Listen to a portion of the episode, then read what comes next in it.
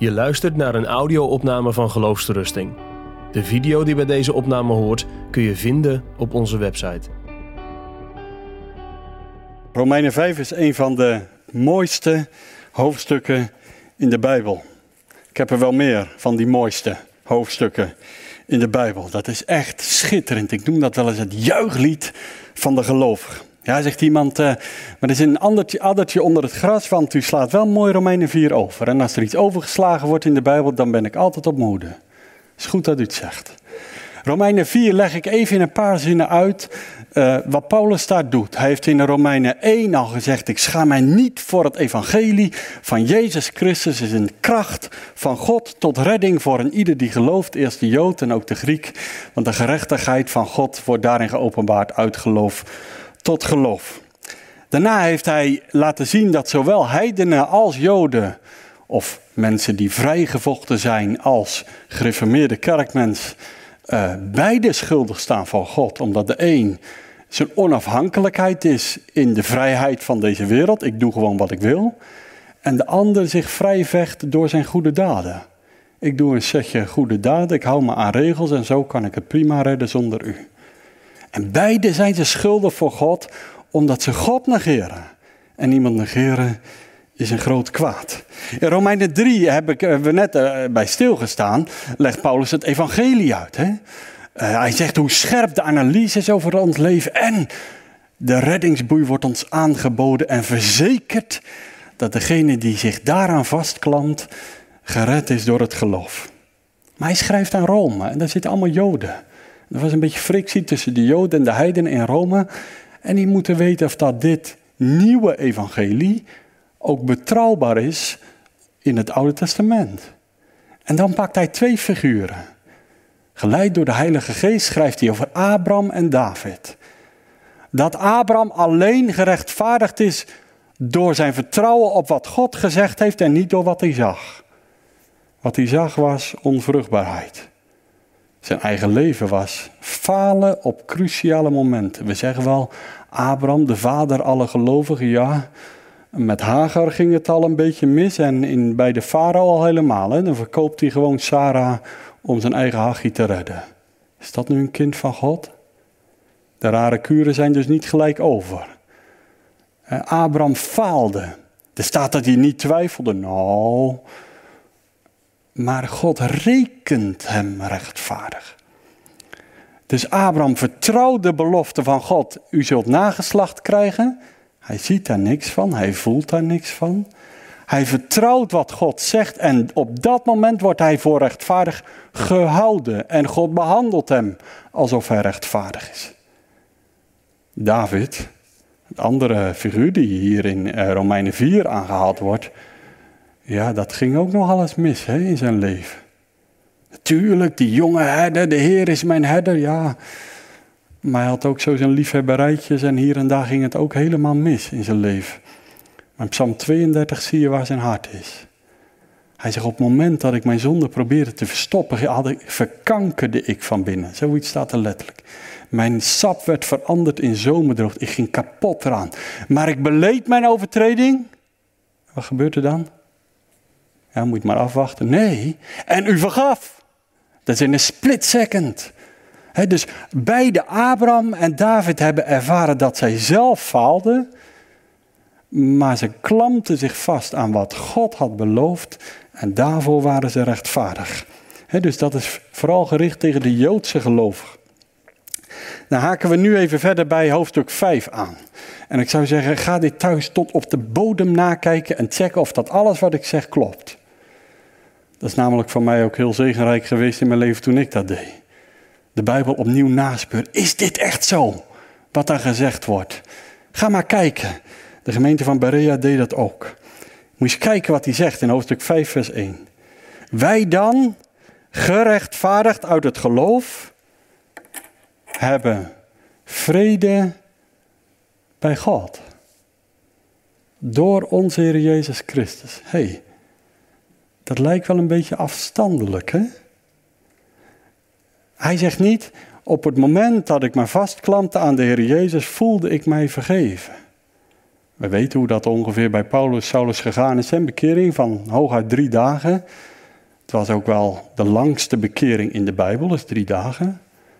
Eén moment was hij zo nog richting Damascus, ik zal eens even, en dan blijkt hij eh, tegen God te vechten en ligt hij in het zand te happen en begint hij te bidden. Daar begint geloven meestal mee. De naam des Heren aanroepen, staat er dan in de Bijbel. En, en dan maakt de Bijbel heel erg onderscheid tussen wat God over je leven zegt en wat jij ervaart. Ik vind dat uitmuntend verwoord in die zondag 23 en bijvoorbeeld in het avondmaalformulier. Die beide zeggen, weet je, onze ervaring zijn vaak niet helemaal in lijn met wat God gezegd heeft. Dus je moet niet kijken wat je hier voelt, want daar vind je meestal niks. Ik ga dat aan de hand van een voorbeeld uh, proberen duidelijk te maken. Geloven is, beste mensen, het anker van je hoop gooien buiten jezelf. Dus je stopt het zoeken met, je, met het zoeken in jezelf, in jouw eigen geestelijk, in je gebed, in misschien wel tranen, in ontroering. Daar vind je niks. Daar gaat het hem nooit zijn. Het is die reddingsboei die van buiten afkomt. En dat is hetzelfde als dat een schipper die gooit als hij in de storm zit zijn anker niet eh, in het ruim of in zijn machinekamer, maar hij gooit hem buiten het schip en hij heeft geen idee. Ja, hij gaat naar de bodem. Hij weet, daar haakt hij vast. En we zouden geestelijk kunnen zeggen in de trouwe belofte van God. Hebreeën zegt dat, hè, dat we het anker der hoop gooien tot in het binnenste heiligdom. En Toon van Huizen zei dan zo mooi, en dat haakt vast in het vaderhart van God. Dus die les moet je leren. Geloven is tegen je eigen ervaring in je vastklampen aan wat God gezegd heeft. Dwars tegen alle stemmen die in je leven klinken. De stem van je eigen geweten die zegt, ja geloof je dat zelf. Je hebt nog dezelfde kuren jij. Je kan je telefoon nog niet normaal gebruiken en je woorden en je oren en, en je voeten en je handen. Alles getuigt tegen je en dat is heus niet zomaar over. Nee, ja, dat is ook niet zomaar over. En de duivel die klaagt je aan, die zegt, ja, je hebt altijd dit soort levenspatronen gehad, die gaan heus niet zomaar over hoor. Nee, ja, dat klopt. En de God die zegt, ja, dat gaat zomaar niet. Je moet eerst dit en je moet dat en je moet, je moet, vooral, je moet vooral heel veel zelf. Nou, denk maar even aan degene die in die stroom richting dat ravijn gaat. En de godsdienst zegt, zwem nog wat harder. Je moet op je rug gaan zwemmen, en, maar ondertussen, je moet dit en je moet dat en je misschien wel een zwart pak aantrekken. En, maar het helpt niet, hè? Het moet buiten jouzelf. En Romeinen zegt dat gebeurt ook juridisch buiten jouzelf. God spreekt rechtvaardig op het moment dat je gelooft in Jezus Christus. Dat is dus een persoonlijke band. Je klampt je vast aan een persoon die in de belofte, in de verkondiging je aangeboden wordt. Dan heb je vrede bij God, maar dat is nog niet altijd vrede in je hart. Dat zijn verschillende dingen. Dat is toenemen, opwassen in de genade, dat die dingen in lijn komen. Wat God beloofd heeft en jouw ervaring. En dat blijft een worsteling. Dat is nooit altijd helemaal gelijk. Het blijft leven uit genade. Ook al voel je dat heel vaak niet. Ja, soms komt je gevoel erin mee, maar je gevoel bedriegt je een dag later weer net zo hard. Dus, dus ga daar niet kijken, wat voel ik? Dat staat ook nergens in de Bijbel dat je daar naar moet kijken. Maar wat zegt God? En wat voor consequenties verbindt hij er zelf aan? En daar moet je wel wat mee. Als hij de hoogste rechter is, degene die het laatste woord heeft voor wiens troon jij komt straks, dan moet je zijn woorden uiterst serieus nemen. En, en de kern eigenlijk van de hele Bijbelse boodschap vind je in deze Romeinenbrief. Het is niet voor niks dat de reformatie hier weer is mee begonnen en vele opwekkingen wereldwijd met de Romeinenbrief. Vandaar dat ik er ook zoveel mee bezig ben om, om mensen te helpen los te rukken van alles wat ze zelf doen en te vertrouwen op wat God gedaan heeft. Je zou geloven zo kunnen zien. Kijk, jullie hebben als goed is werk en je gaat werken. En aan het eind van de week of aan het eind van de maand uh, krijg je betaald. Je zou kunnen zeggen, ja dat is heel vriendelijk van mijn baas dat hij betaalt. Maar je kan het geen genade noemen.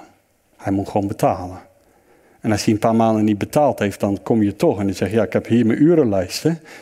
Afrekenen. Weet je dat heel veel mensen zo eigenlijk bidden? Heer, ik heb me toch redelijk netjes gedragen.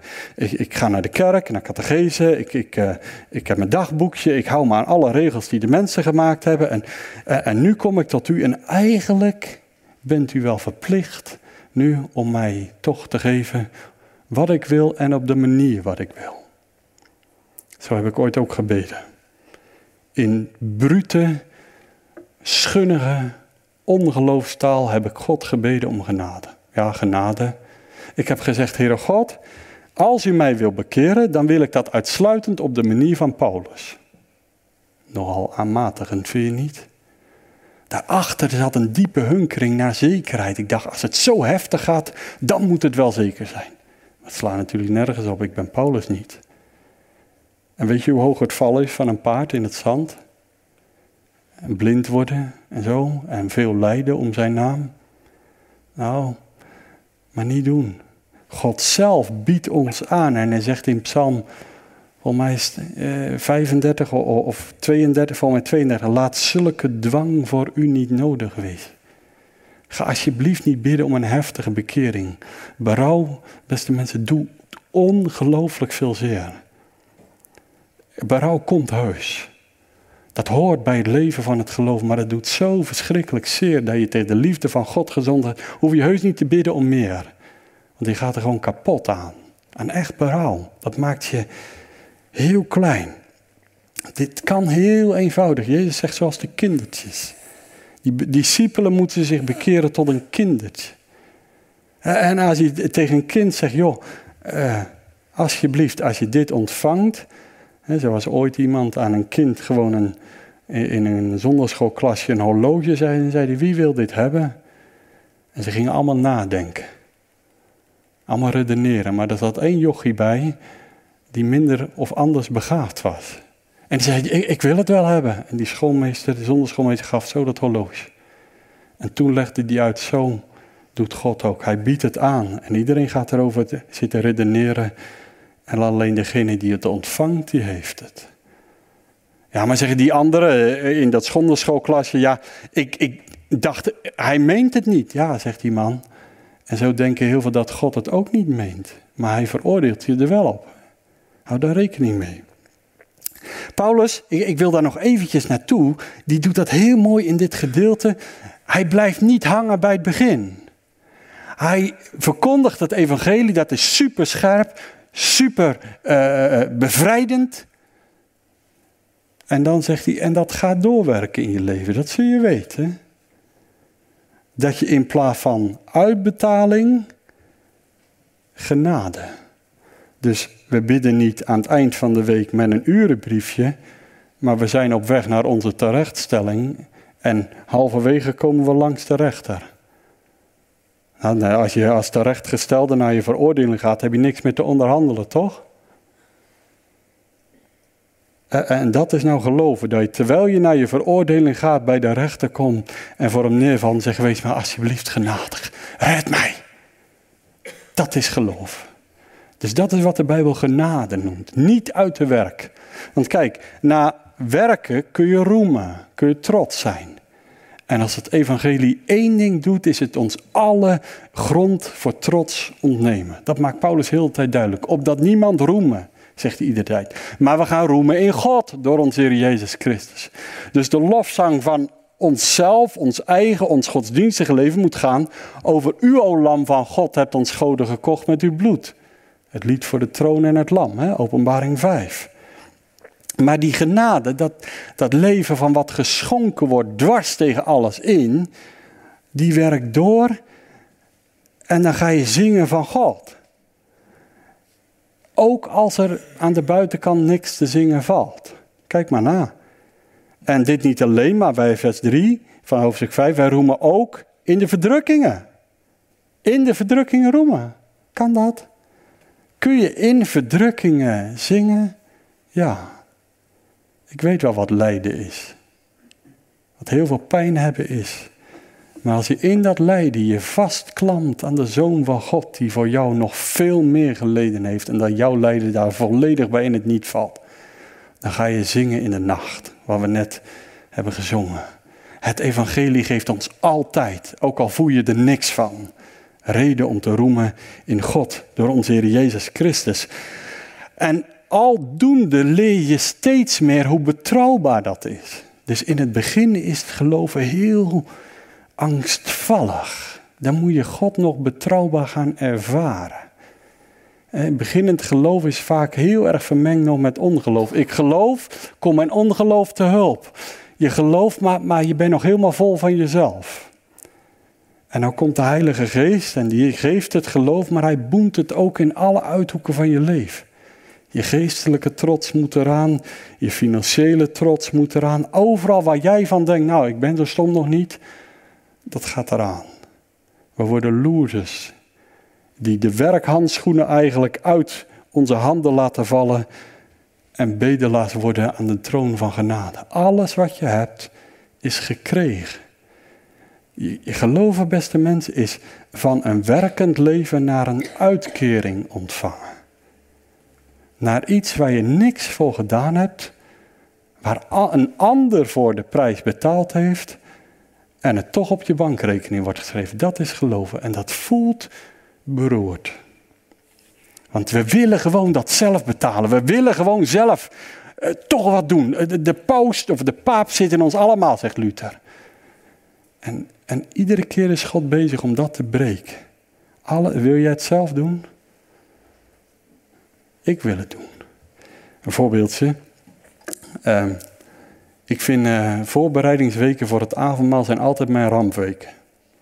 Op de een of andere manier gaat het altijd mis. En een tijdje geleden zat ik met iemand, een paar jaar geleden was iemand bij ons op bezoek. En toen vertelde ik, eh, toen zei ze, hoe is het? Ik zeg, het gaat niet goed. Ik zeg, op de een of andere manier krijg ik mijn hart niet op orde voor God. En ik bedoelde dat heel bloedserieus. En ze keek me zo een beetje met zo'n Corrie ten Boom lachje aan. Van, oh, oh, dus jij probeert jouw hart op orde te brengen voor God. Ik zei, ja. Oh, hij zegt, zou je dat niet eens laten doen? Ik denk er wekelijks aan. Zou je dat niet eens laten doen? Want ook in het geloofsleven proberen we het iedere keer weer zelf. Je, je, je, je probeert toch weer het zelf te doen. En God breekt het iedere keer weer. Net zolang je alleen genade overhoudt. En dan ontdekt hoe rijk het is dat het totaal is, 100% alleen genade en genade is genoeg. Amazing grace, onvoorstelbare genade. Is het dat God ons aanneemt terwijl we nog lang niet zijn wat we zouden moeten zijn, maar Hij gaat wel door. Hij die het goede werk begint, zal dat voleindigen tot op de dag van Christus. God neemt je wel zoals je bent. Hij sleurt je als het ware zo aan de reddingsboei uit het water in de boot van de behoud. Maar dan gaan die vuile kleren wel uit. Hè? En dan onderwijst hij je, kraakt hij je, breekt hij je, kruisdraag, je leven verliezen, hoort er allemaal bij. En hij leert je meer te zien hoe groot het offer van Jezus was voor jou. En dan wordt je mond gaat dicht over jezelf en over alles wat jij hebt. Je wordt steeds stiller over jezelf en je gaat harder zingen over Hem. Dat is het loflied van Mozes en het Lam. Dat herken je wereldwijd. Mensen worden stiller over zichzelf, stiller over wat zij presteren voor God. Uiteindelijk hebben ze het er helemaal niet meer over. En ze beginnen te roemen over genade en genade alleen. Dat roemen, daar herken je de christenen wereldwijd. Ook al lijden ze verschrikkelijk. Ik ben bij de leidende kerk geweest en hun leven heeft mij diepgaand beïnvloed. Ze hebben het helemaal niet over wat zij moeten lijden voor God. Ze hadden een plezier om te lijden voor Christus. En terwijl ik met hen samenwerkte, Bijbel smokkelde, ik liep zelf geen gevaar. Zij zouden tientallen jaar het gevangenkamp ingaan. Maar een blijmoedigheid. En later ontdekte ik wat het was. Ze hadden hun leven al verloren. En daarom hadden ze niks meer te verliezen. Ze zeiden, God heeft recht op heel ons leven. En wij zijn er voor Hem. Hij gaf zijn leven voor ons. Wij geven ons leven terug. Dat, beste mensen, is het Bijbels geloof wat de Bijbel geloof noemt. En dat gaat ver. Ontzagwekkend ver. Ik heb geen tijd meer om daar verder op in te gaan, maar, maar als je verder die Romeinenbrief doorkruipt, dan zul je ontdekken dat, dat het zo vast en betrouwbaar is. Het tweede deel van hoofdstuk 5 gaat over dat God met ons rekent via vertegenwoordiging. En hoofdstuk 6 zegt dat gelovigen één plant met Jezus worden. Je vergroeit met Hem en dat is echt waar. Je kan Hem gewoon niet meer wegdenken uit je leven. Ook al faal je nog, net als Abraham, net als David. Maar de bron is zo dichtbij. Het is de liefde van God uitgestort in je hart. Ja, en dan zijn je rare kuren nog niet over. Kun je in hoofdstuk 7 leren. Het goede wat ik wil, dat doe ik niet. Super eerlijk natuurlijk over een topzendeling van die tijd. Uh, ik zie twee wetwaardigheden in mij. Aan de ene kant wil ik voor God leven, maar die andere, die dood zou moeten zijn, maar springlevend is, die is er ook. Een lijk op mijn rug noemt Saulus het, Paulus het.